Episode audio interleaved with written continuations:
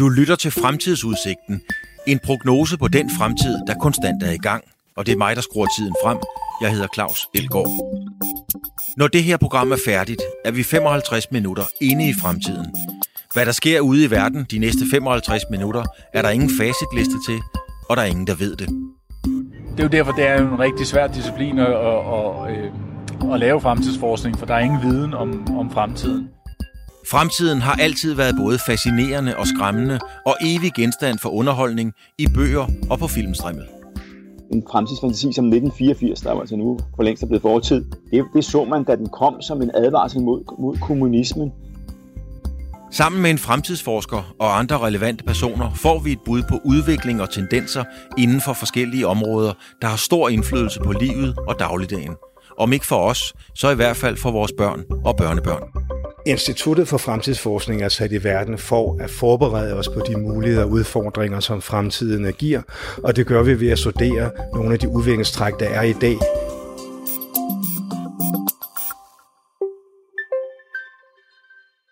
Dagens program handler om det bæredygtige liv og de klimaforandringer, som vi står lige midt i. Det kommer hurtigt til at stå klart, hvordan fremtidens klima og en bæredygtig planet, eller skal vi rettere sige mangel på samme, kan få enorme konsekvenser. Jeg har talt med fremtidsforskeren Martin Kruse om et af de emner, som vi alle sammen hører om i medierne, men som de fleste af os har svært ved at forholde os til. For hvad betyder klimaforandringerne egentlig for fremtiden? Og hvorfor optræder betegnelsen bæredygtighed oftere og oftere? Det er ganske enkelt fordi konsekvenserne kan blive ekstreme, hvis ikke der bliver gjort noget. Professor Sten Hillebrandt har arbejdet med bæredygtighed igennem mange år, og er stort anerkendt for sit arbejde også internationalt. Her giver han en status på klimaet og jordens bæredygtighed, som det ser ud lige nu. Hvis vi ser på øh, klimasituationen i verden i dette øjeblik, øh, så er budskabet, øh, at en række parametre udvikler sig uheldigt på kloden, og det overordnede fænomen, det handler om øh, CO2-udledningen, og CO2-udledningen er et resultat af den menneskelige aktivitet, det vil sige den måde, vi transporterer os på, flyvning, søtransport, biltransport, benzinforbrug, olieforbrug, fossile brændsler, den måde, vi producerer på i de store fabrikker, den måde, vi producerer fødevarer på, den måde, vi bygger vores huse på og fabrikker på. På alle de områder, den helt enorme mængde af affald, øh, stadig stigende mængde af affald, der produceres verden over. Alt det peger på en mere og mere uheldig udvikling i klimaet og dermed i den globale opvarmning.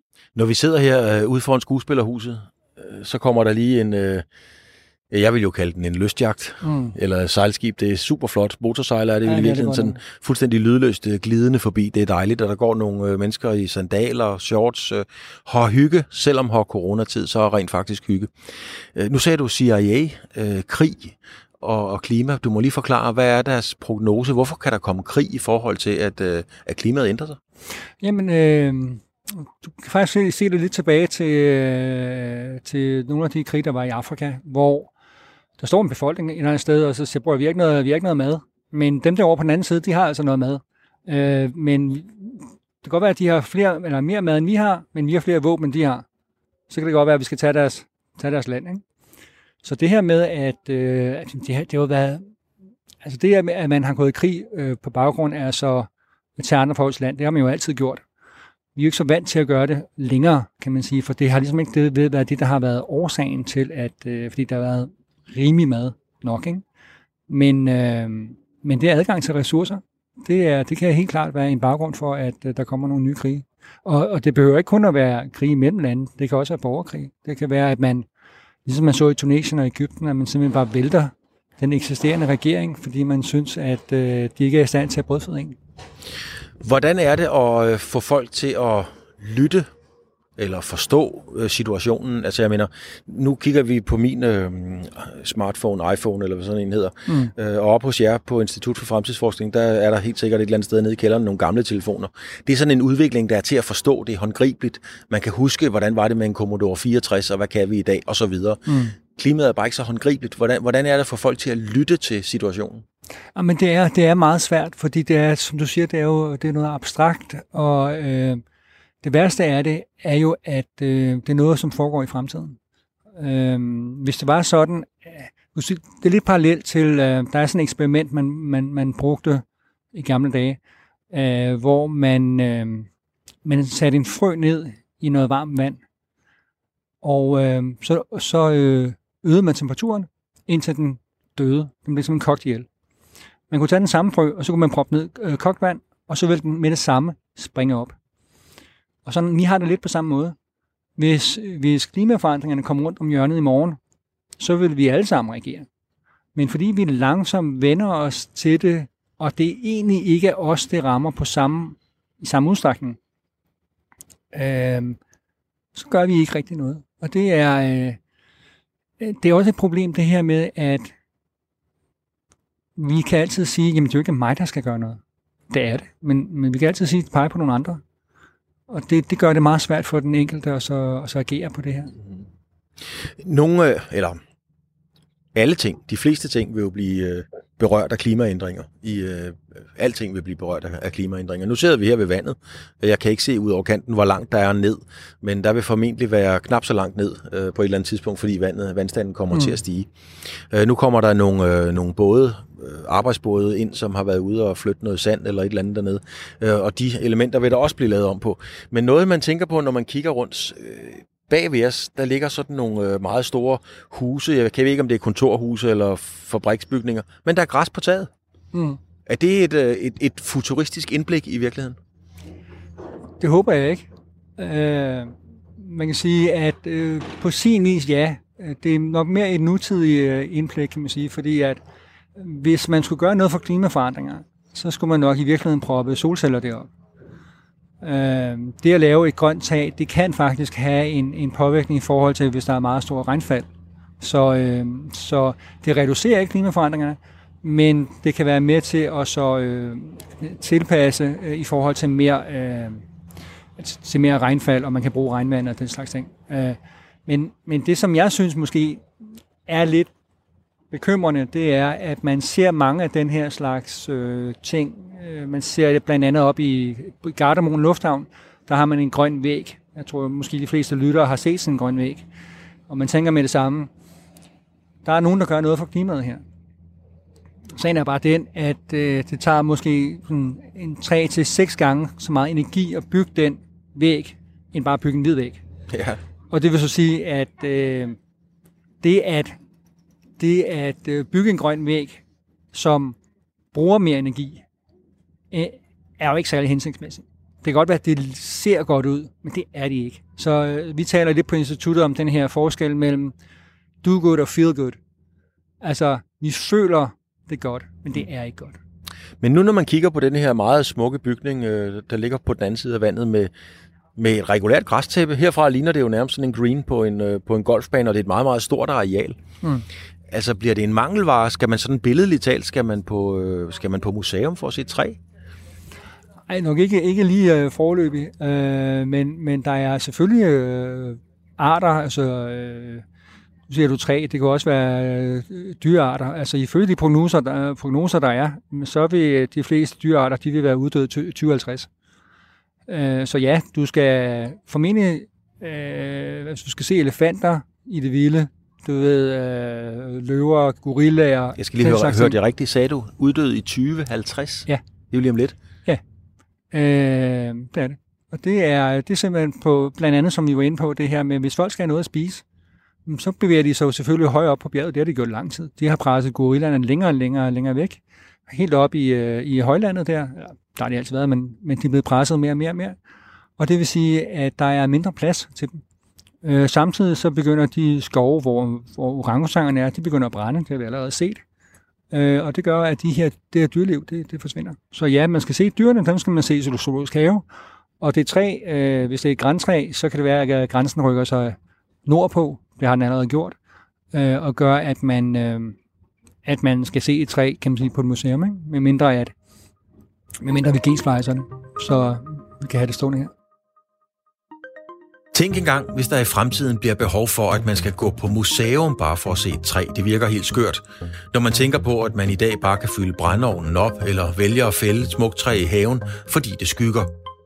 Og ja, det vækker der en helt naturlig skepsis ind i mig, der siger, ja ja, det er godt med dig, men må ikke det alligevel går alt sammen. Jeg tager lige Sten Hillebrand med igen, professoren vi hørte i starten af programmet. Han har beskæftiget sig med klimaforandringerne i en menneskealder, og han har skrevet bøger om FN's 17 verdensmål for en bæredygtig udvikling. Målene blev vedtaget i 2015 og skal sikre vores planet i fremtiden, og det er der i allerhøjeste grad brug for, mener Sten Hillebrandt.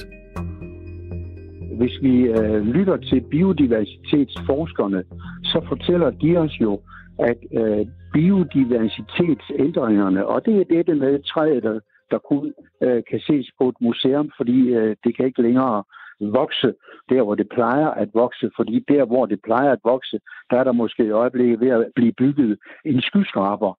Det er øh, et reelt fænomen, at der er en masse uddøden. Det er et voldsomt udtryk, så vi hører det ikke så ofte, men masse uddøden, det er den proces, der foregår, og som er karakteriseret ved, at øh, dyre- og plantearter uddør i et alt for højt tempo i forhold til, hvad der bør være tilfældet for, at øh, dyre, rige og planterne kan overleve, øh, og dermed i virkeligheden være den baggrund for livet på kloden, som øh, er nødvendig.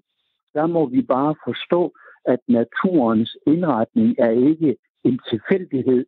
Øh, det er ikke ligegyldigt, hvilke dyre- og plantearter, der er og trives og lever på jorden. Det er tværtimod afgørende for hele økosystemernes balance og udvikling, at vi passer på økosystemerne. Og det er i virkeligheden det, som vi mennesker har forbrudt os imod, i særlig grad op igennem de sidste få 50-100 år, hvor den industrielle produktion, hvor befolkningsudviklingen i verden er eksploderet øh, med den konsekvens, at vi mennesker påfører naturen, påfører planterne, påfører dyrene voldsom pres og voldsom skade, og det er øh, det, der så resulterer i, at biodiversiteten reduceres så voldsomt, som tilfældet er, og derfor skal vi passe på den, fordi livet på kloden kan ikke fortsætte på den måde, som vi gerne vil have det, hvis øh, reduktionen i biodiversiteten fortsætter med den hastighed, som det sker i øjeblikket. Det er det budskab, vi får fra øh, biodiversitetsforskerne, og som vi skal rette ind efter.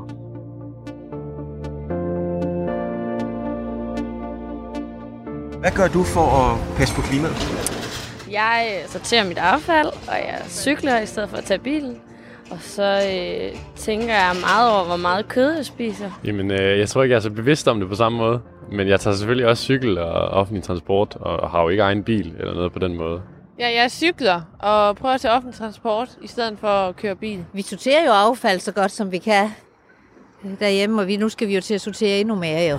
Øh, og så prøver jeg også at sortere og, og pante og så videre så meget, som man nu kan. Jeg sorterer affald, og så har jeg reduceret mit kødforbrug. Ikke helt afskaffet kødspiseri. Plastikposer, det køber jeg ikke mere. Jeg har en stor pose hver Og det er min måde ligesom at hjælpe lidt på det. Hvis nu vi tager det her scenarie, vi sidder i nu, stadigvæk foran skuespillerhuset, øh, helt ned til vandet på en bænk, øh, hvordan ville det her, kunne det her se ud, hvis nu vi siger worst case scenario? Øh, ville vi så ikke kunne sidde her, fordi vi sad i vand til knæene, eller, eller ville der være noget markant lavet om her? Ikke, ikke inden for vores århundrede, uh, fordi det tager simpelthen så lang tid for isen at smelte. Øh, så det er det ene. Øh, men varmen gør, at vandet udvider sig, så det er det andet. Uh, så vi kommer ikke til at, så, uh, at blive, blive skyllet over af, af vand her lige forløbig. Men uh, det, man skal tænke på, det er ikke så meget vandhøjden, uh, det er ekstremere situationer.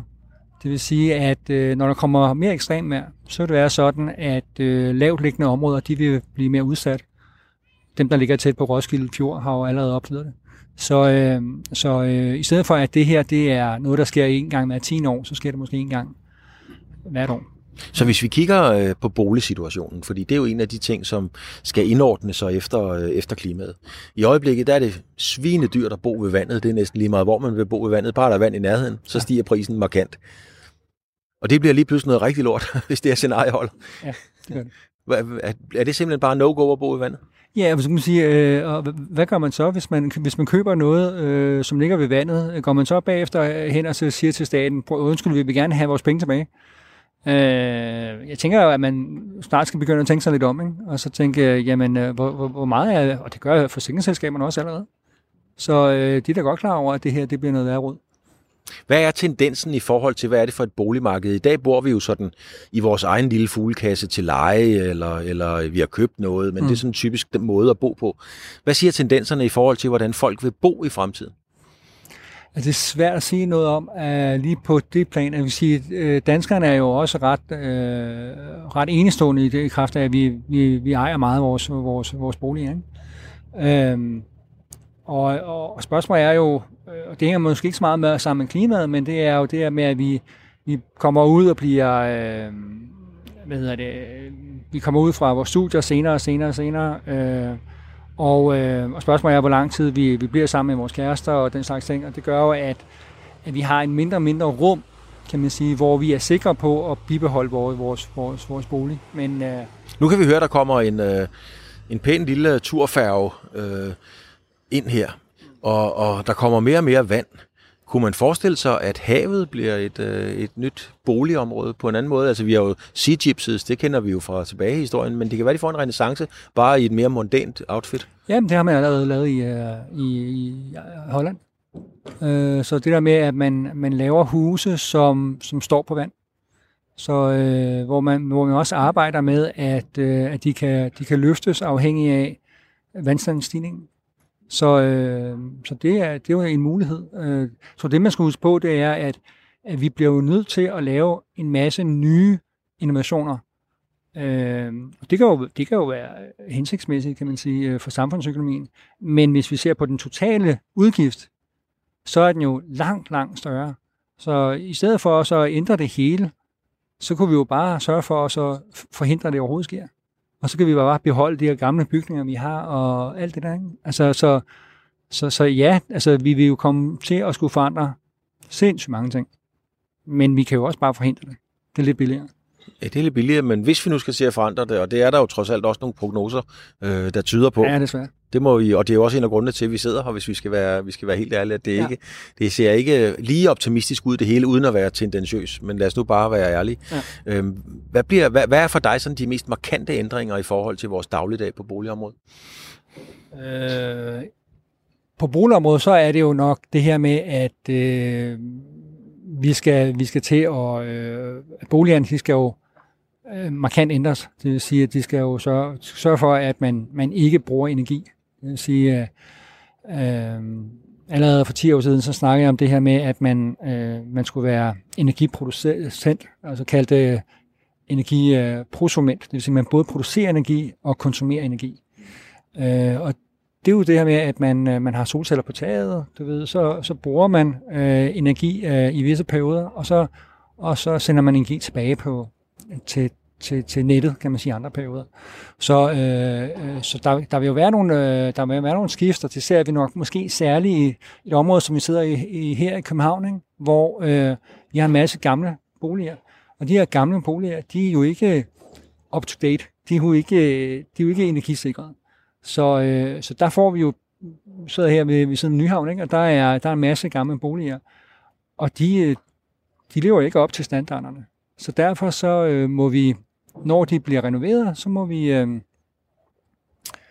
så må vi sikre os, at, at, at de gør det. Øh, og typisk det, man så gør, det er, at man, man bibeholder skallen. Så når du gennem Nyhavn, så ser du nøjagtigt det samme. Men inde bagved, så er der en topmoderne bygning. Det koster bare rigtig mange penge. Okay, så man har... Øh, hvad for et billede skal vi finde? Vi har en bil. Det er og så lægger en ganske almindelig bil, og så lægger vi lige karosseriet fra en Lamborghini ud over. Ja, øh, du, eller du kan vente om, og så kan du sige, du lægger du, du bibeholder det gamle karosseri, og så lægger du Lamborghini-motoren ind i. Ind i, okay, så det er måske det endnu bedre billede. Det er godt, ja. det er dig, der er fremtidsforsker.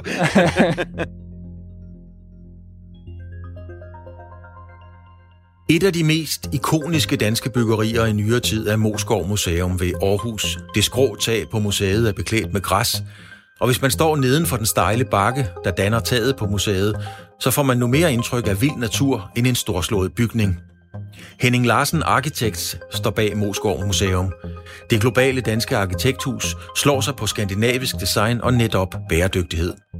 Jakob Strømann Andersen er partner og chef for bæredygtighedsteknik, det der så fint hedder Sustainability Engineering.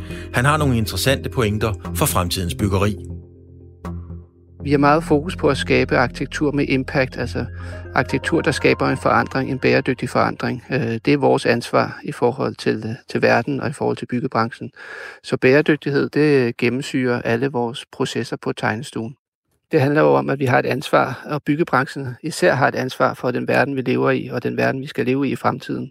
Så bund og grund handler det om, at, at vi har et ansvar, vi er øh, bevidste omkring, men også at vi har erfaringer med, at bæredygtig byggeri kan skabe bedre arkitektur, smukkere arkitektur, og arkitektur, der giver en mere værdifuld og en mening for dem, der bruger det, og for dem, der oplever det. Det, der drev det til at starte med, det kom jo øh, fra, fra lovgivning, altså fra bygningsreglementets krav, der blev skærpet inden for energieffektivitet. Det var det, der startede øh, byggebranchens fokus. Men det vi ser nu, det er faktisk en byggebranche, der er forud for reglementerne og standarderne og lovgivningen. De kunder, vi arbejder sammen med, har ofte et, et ønske, der ligger ud over de rammer, øh, de officielle rammer, øh, byggelovgivningens øh, rammer.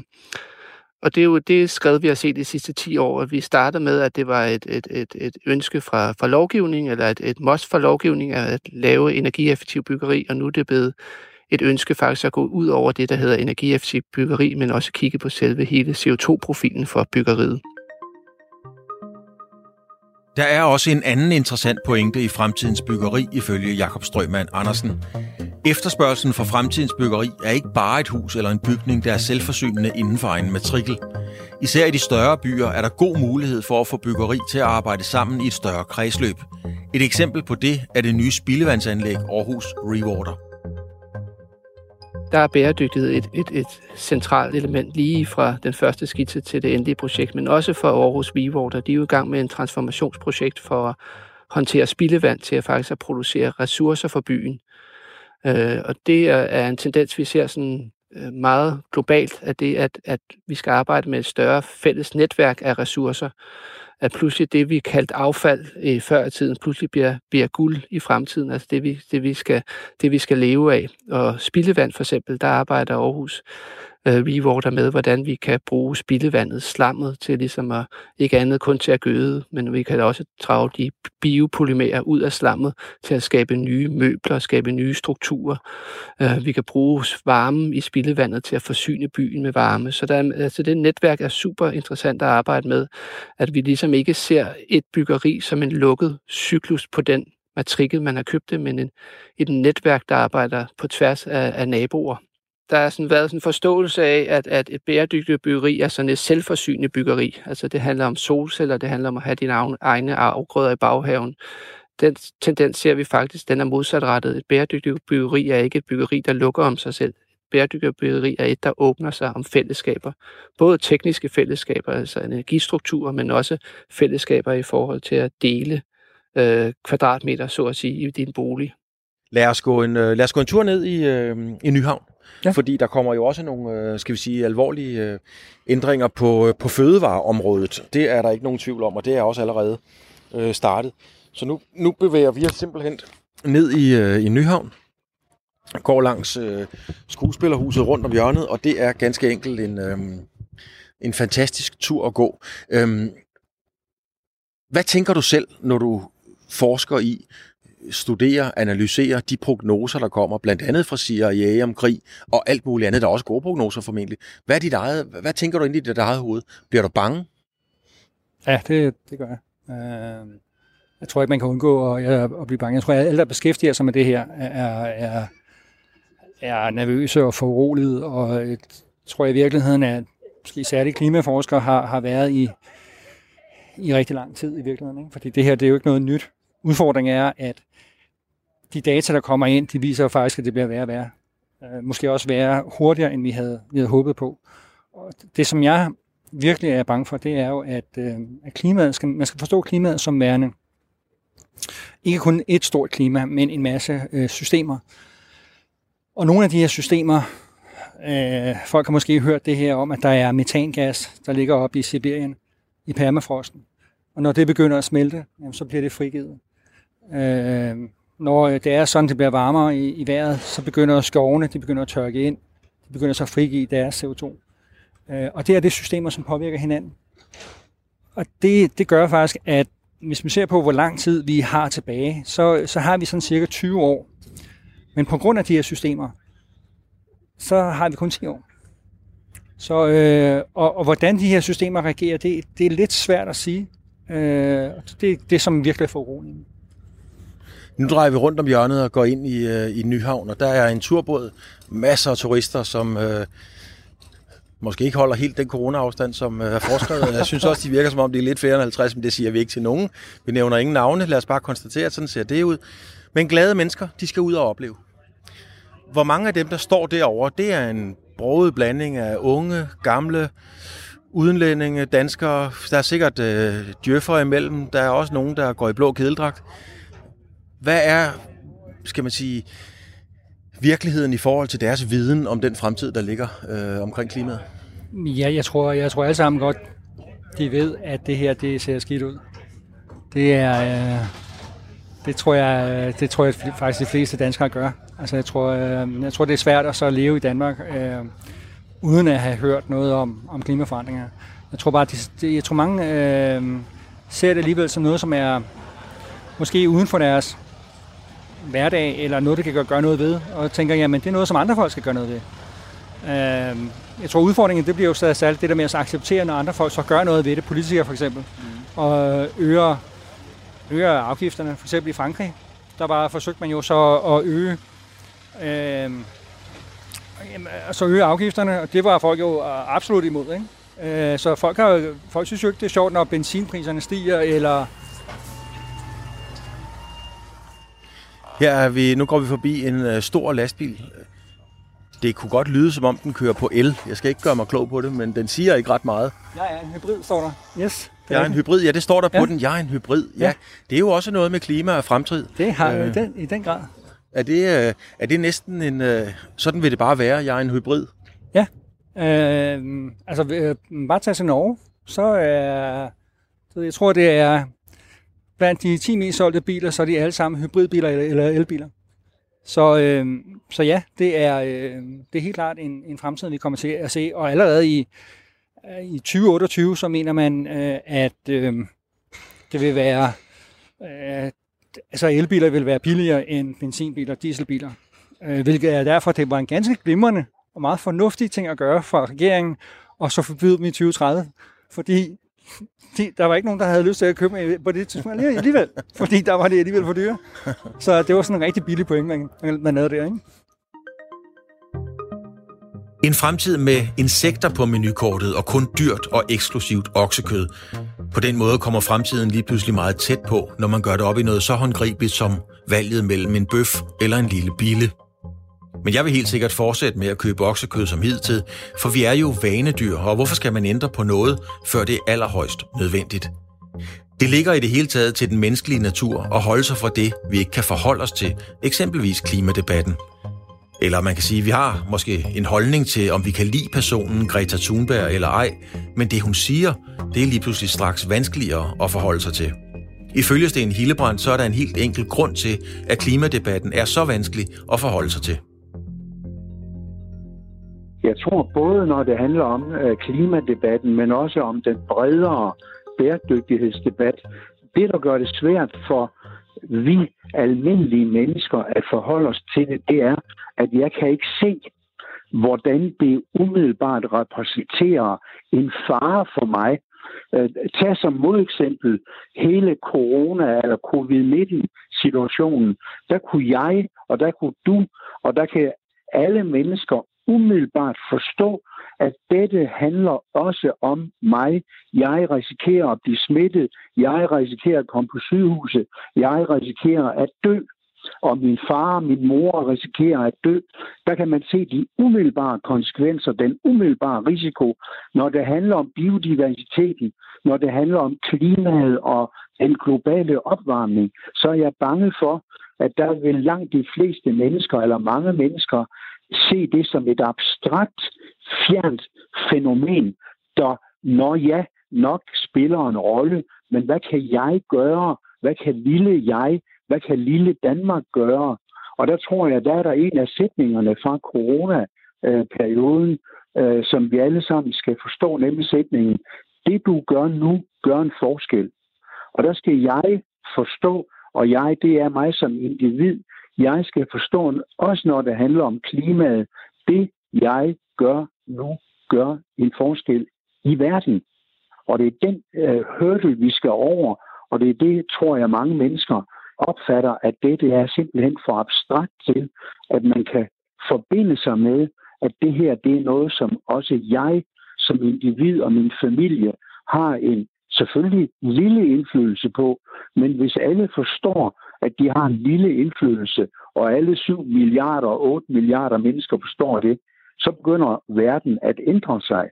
Og det er det, vi skal forstå. Vi så det med coronakrisen, når mennesker holdt afstand, når mennesker respekterede de meget simple øh, påbud, så ændrede verden sig. Så ændrede billedet sig for, hvordan dette udvikler sig. Og det er det samme, vi jo også her under coronakrisen har set med klimaet, med forureningen, at når vi ændrer adfærd, når vi for eksempel transporterer os mindre, så har det umiddelbart konsekvenser for klima, temperatur, øh, udviklingen, biodiversiteten, ulykkerne øh, osv. osv. Så det er sandt, at det, jeg gør nu, gør en forskel. Og det er faktisk den afgørende sætning i det her. Og det skal vi forstå, også når det handler om klimaet.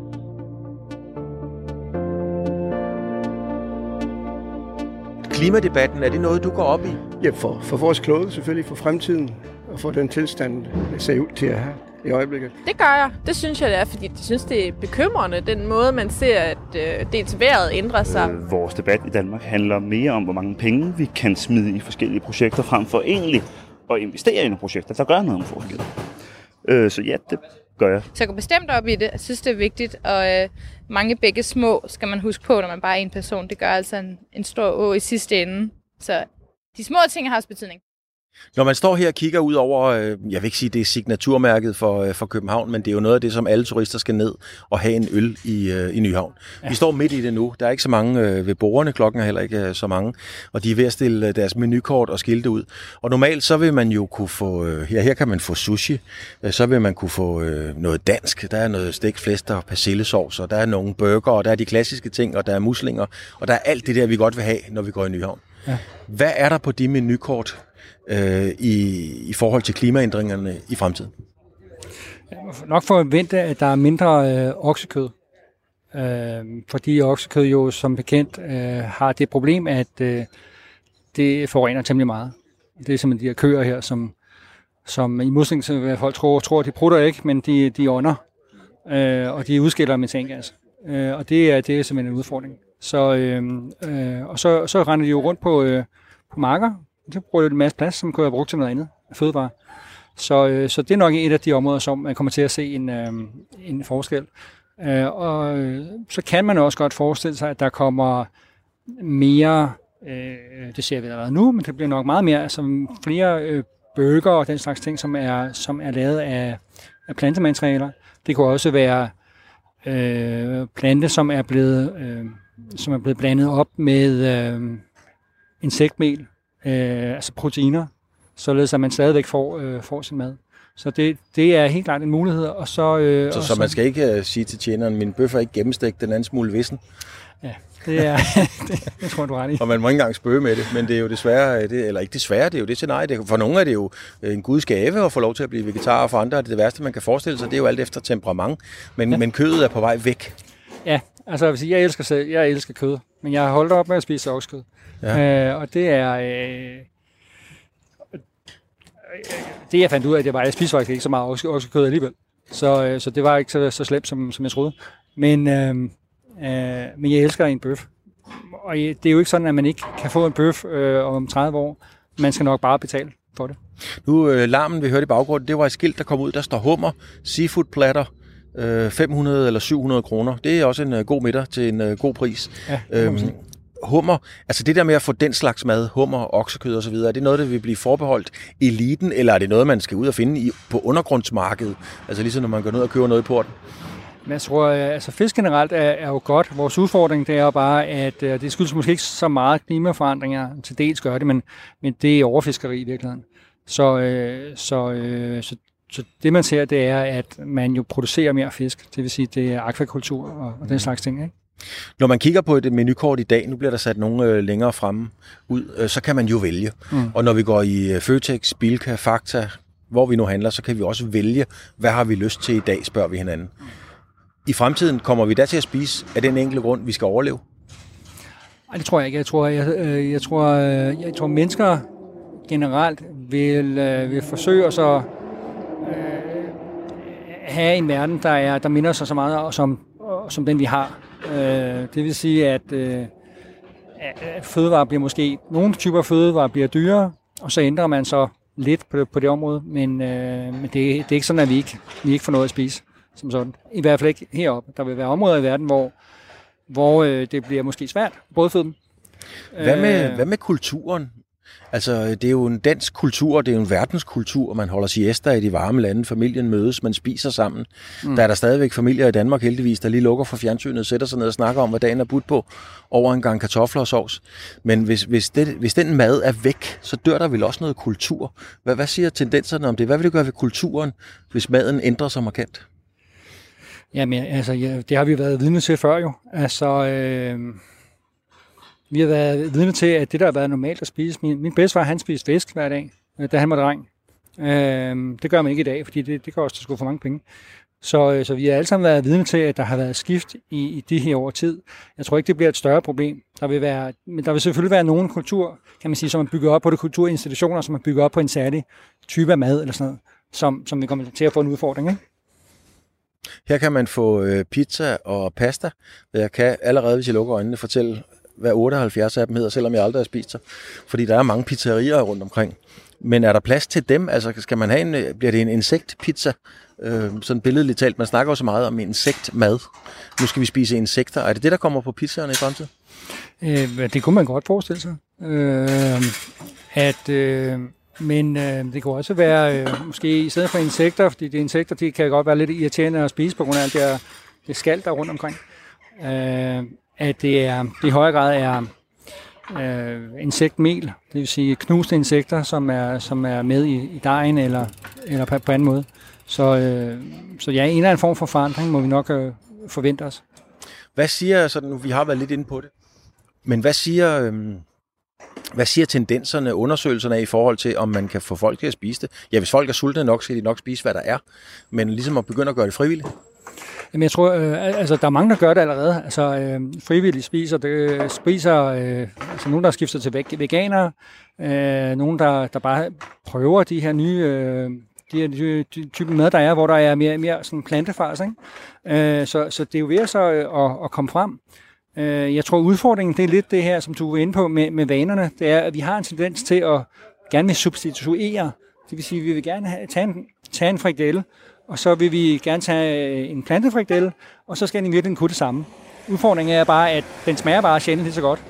Øh, så jeg tror, at over tid, så vil der komme det her skift med, at vi, vi spiser noget, der smager godt, men det minder så ikke om det, som vi spiste før, fordi, fordi sammenligningsgrundlaget ikke er særlig godt. Hvordan tror du, en, øh, så er der afgang på færgen dernede, jeg hørte, de sagde møgen til mig. Det vil sige, at de er fra Sønderjylland, og lige præcis i Sønderjylland ved jeg, at i Sønderborg, der har de noget, der hedder Project Zero, hvor de skal gøre øh, Sønderborg CO2-neutral i senest 2029. Fantastisk projekt, øh, noget optimistisk, men, øh, men, men et godt projekt. Øh, hvordan ser en gourmet-restaurant ud, tror du, på menukortet øh, om 50 år? Øh Ja, det er sgu godt et spørgsmål. Altså, gummirestaurant kunne, det kunne jo, i hvert fald nogle af de her gummirestauranter kunne jo godt være øh, restauranter, hvor du kunne få oksekød. Du få de traditionelle ting, du spiste, øh, men du kommer bare til at betale for det.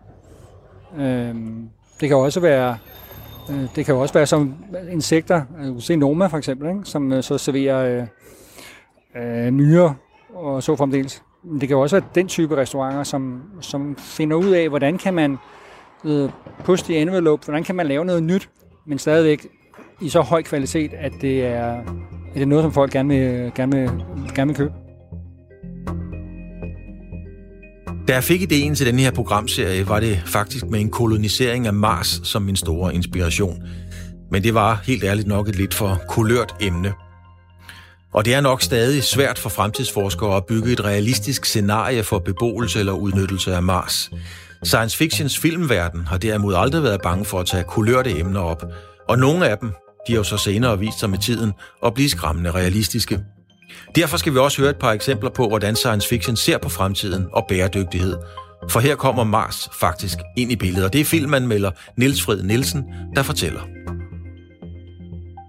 Ridley Scott, der lavede The Martian med Matt Damon i hovedrollen, hvor, hvor de altså tager til, til Mars, at jeg tror, at han efter at have lavet Blade Runner tilbage i 80'erne, har ville videre. Han har ikke, han er vildt over på den anden side af frygten, og så tager han også vortids helt store problem ind, øh, nemlig klimaspørgsmålet.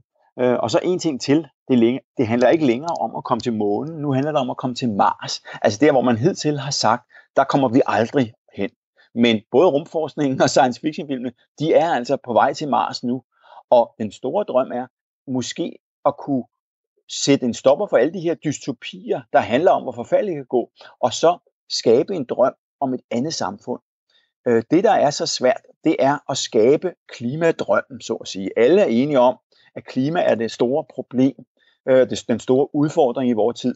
Men hvordan skaber vi nogle positive, spændende, fascinerende billeder øh, på et fremtidigt økologisk bæredygtigt samfund?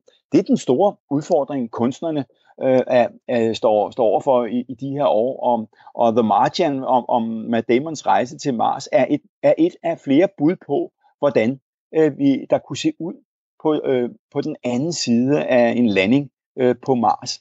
Øh, på den anden, man kunne også sige, på den anden, hvad vil der ske på den anden side af en katastrofe? Hidtil har vi fået rigtig mange film, der handler om sammenbruddet. Hvad sker der 28 timer efter sammenbruddet? Hvordan kommer det helt store nedsmeltning til at foregå? Og det har vi siddet og gyst i biograferne over. Men på et eller andet tidspunkt må der også opstå behov for mere positiv bud på, på fremtiden. Øh, men dem, vi venter lidt på dem det, øh, lige nu. Lige nu er det stadigvæk dystopierne, der, der præger billedet. Altså simpelthen frygten for, hvad kan klimaet gøre ved os? Kan de blive vores sidste store spørgsmål, mens vi er her som mennesker endnu, så at sige? Hvis nu vi øh, summerer lidt op på, øh, på, på det, du har fortalt her.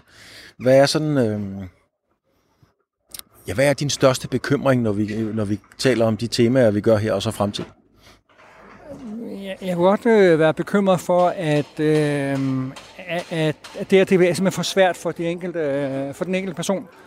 Øhm, det letteste ville være, hvis, hvis, hvis du kunne gå ud og købe et produkt, kunne se, hvor meget øh, klimaimpact det havde, og kunne, og kunne lave et informeret valg.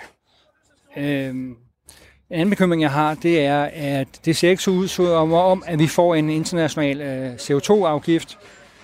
Øhm, og den vil virkelig den vil ændre det hele, og den vil løse problemet i, i vid udstrækning.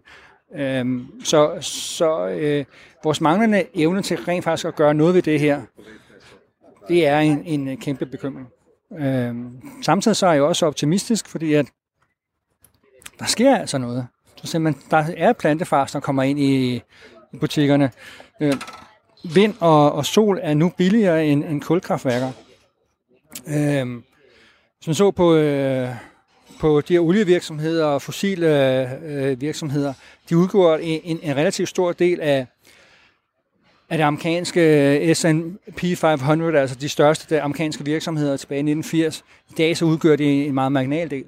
Så, så øh, der, der sker virkelig noget her på det område her. Så det er ikke... Øh, øh altså, vi rykker, vi rykker måske bare lidt for langsomt. Nu går vi forbi øh, nummer 41, vi kommer snart til hyttefaget og alle de klassiske øh, udskænknings- og spisesteder, som er hernede i, i Nyhavn, der ligger både på vores venstre side, øhm, og der sidder selvfølgelig unge mennesker og drikker en øh, håndbajer, og der går folk i gummistøvler, og der går nogen i laksko. Men når man så kigger over på restaurationssiden her, der er dækket op, der er due på bordene, vi har talt om, hvad der er på menukortet. Kunne det her egentlig godt være øh, den gamle by i Aarhus om ikke ret lang tid? Altså, at som det står her, det er bare ved at blive udfaset. Fordi den slags ting, man får her, det får man bare ikke mere. Ja, det er... Øh, men, men man kunne godt forestille sig, ligesom den gamle by i Aarhus, kan man sige, at lige der, der kan man få det, man fik før i tiden. Det koster bare kassen. Mm. Og, og så inde bagved, du ved, ikke, så er så er verden helt anderledes, så er verden moderne, og, øh, men der, der har man tilpasset sig den nye virkelighed. Ikke? Så det kan da godt være, at der er sådan nogle øer, hvor man øh, kan gå tilbage og øh, være sådan lidt nostalgisk eller sådan noget lignende. Øh, Men du kunne godt se det for dig billedet, at øh, ja, Ja, nu skal man på museum, der den store cruise-skib er kommet ind, og nu skal vi ned og se, hvordan det så ud i gamle dage i København, dengang man kunne få kød. Men det gør vi jo faktisk her. Vi står her og kigger på det gamle horehus, ikke? stort set. Ikke? Jo. Øh, vi kigger på der, hvor, øh, hvor alle øh, matroserne kom ind. Og, øh, så det her, det er jo i virkeligheden et nostalgisk tilbageblik på, hvordan verden engang var. Ikke? Nu er det så bare, måske vi så lige den her hybridbil, der kørte forbi. Ikke? Det er der, hvor vi kan se, at det moderne faktisk også er kommet ind. Så, øh, så at vi bibeholder nogle af de her, de her gamle områder, det tror jeg helt sikkert, vi gør. Øh, det koster bare, koster bare kassen at gøre det. Det er selvfølgelig træls, men sikkert også nødvendigt, at vi ikke kan få vores oksekød, hvis det er det, vi gerne vil have, eller noget andet, hvis det er det, vi gerne vil have, for nu at være politisk korrekt. Men hvad, hvad kan der sådan, øh, der må også være nogle, nogle gode ting, hvor man siger, jamen det er der en upside, det er der en positiv effekt af, at vi måske kommer til at spise nogle insekter, insekter eller noget, lægger vores kost om. Ja, øh, helt klart. Altså, øh, hvis man ser på, da, da jeg var da jeg var barn, så, øh, så var der jo hungersnød i Afrika, og man så de her somalier, som var en streg i ja, bare en streg, ikke? De, øh, og øh, der var hungersnød øh, ret, ret, ret udbredt. Men i dag så er det jo sådan, at øh, det faktisk er fedme, der er det største problem. Så, så hvis vi øh, spiser mindre, har mindre madspild, øh, spiser mindre kød, så er vi, har, er vi sundere. Vi får et mindre øh, ressourcetræk på vores sundhedsvæsen. Øh, og det er alt andet lige med til at så skabe et bedre liv, kan man sige. Altså, der er jo nogle øh, prognoser, og jeg har læst øh, nogle rapporter om, at der dør flere mennesker af overvægt i dag, end der dør af sult. Er der hold i de rapporter? Ja, det, det er rigtigt. Lige nu er der mange, der ikke kommer på sommerferie, fordi at corona har lukket flyruterne ned. Men til næste sommer, der er mange, der skal afsted, de skal syde på, og måske er der også nogen, der når at komme afsted øh, i år. Det må tiden vise. Men man glæder sig jo. Der er 10 grader varmere dernede, der er 12-20 grader varmere dernede. Det er helt fantastisk. Men i virkeligheden så har sådan en temperaturforskel en øh, ret stor konsekvens historisk. Jamen altså, hvis man ser tilbage på, øh, på jordens tidlige historie, så, øh, så kan man blandt andet tage et, et eksempel med øh, øh, en 10 graders stigning på verdensplan, som øh, dræbte 90 procent af livet på jorden. Og øh, det tog omkring 10 millioner år for jorden at genfinde, kan man sige, øh, sig selv. Og øh, det, der skete dengang, det var simpelthen, at øh, der kom øh, global opvarmning. Der var en masse vulkaner. Så for biler, så var der vulkaner, der spødte det her ud. Og øh, gjorde det i en sådan grad, at øh, temperaturen steg med, med de her 10 grader. Men 10 grader, det var nok til, at stort set alt liv døde. Der døde flere arter, end da asteroiden ramte ned og dræbte dinosaurerne. Nu siger du, at øh, alt dyreliv er, er troet i 2050, og det er jo rent faktisk lige om hjørnet. Og det tror jeg ikke, man skal være øh, professor i noget som helst for at se. Det er jo et forfærdeligt scenarie. Men det er jo til synligheden ikke noget, der, der skræmmer menneskeheden nok til at, at, at, at gøre den enorme indsats, som der jo måske skal til. Så hvad er, det, hvad er det, der gør, at man ikke reagerer, eller har reageret før på det her? Er det fordi, det ikke har nogen betydning for os? Øh, tror vi ikke på det? Fornægter vi det? Fortrænger vi det? Hvad er det, der gør, at der bare ikke er sket mere? Er det fordi, vi ikke kan prissætte det, eller hvordan skal vi læse tolke det? Øhm, ja, øh, naturen har ikke nogen værdi. Den har ikke nogen økonomisk værdi. Det er sådan, at en, en ø ude i Stillehavet, hvis der ikke er nogen, der tjener penge på det, øh, det jord, der er derude, jamen så er den jo ikke med i økonomien som sådan. Og, og det, det bliver ret tydeligt, hvis vi ser på øh, eksempelvis den brasilianske regnskov, som er hjem for en stor del øh, af verdens dyreliv og, øh, og planteliv, sådan cirka 13 procent. Øh, samtidig så er der jo et konserveringsbudget, altså et budget, man, man bruger for, så, så, øh, for at redde regnskoven, og det er på 180 millioner dollars i, øh, i Brasilien. Men hvis nu forestiller os, at det var øh, hjem for 100 procent af livet, altså alt livet var dernede, øh, så kan vi så sige, at de penge, der vil blive brugt for at beskytte livet på jorden, det svarer til 0,3 procent af Facebooks værdi. Og så kan man sige, okay, det vil sige, at vi værdsætter åbenbart Facebook meget, meget, meget, meget, meget, meget højere, end vi værdsætter livet på jorden. Så kan man jo så stille sig selv spørgsmålet, er det virkelig sådan, som de fleste mennesker har det? Det er det sgu nok ikke. Så, så der kunne det godt være, at vi skulle begynde at tænke på en anden måde, og så, øhm, og så få integreret naturen i vores økonomiske system. Det her er uden tvivl den mest barske version af fremtidsudsigten. Jeg kan i den grad fornemme på Martin Kruse, at jordkloden balancerer på kanten af det holdbare, og det skal vi selvfølgelig have fundet en løsning på. En klog mand lærte mig engang begrebet suspenderet viden eller fortrængt viden. Det kommer fra filosofien, og er eksempelvis, at vi jo alle sammen godt ved, at vi skal dø, men vi vil ikke rigtig tage stilling til det og fortrænger den viden. Jeg håber ikke, at klodens befolkning udmærket er klar over, at situationen med klima er yderst kritisk, men suspenderer den viden og de konsekvenser, der kan komme ud af situationen.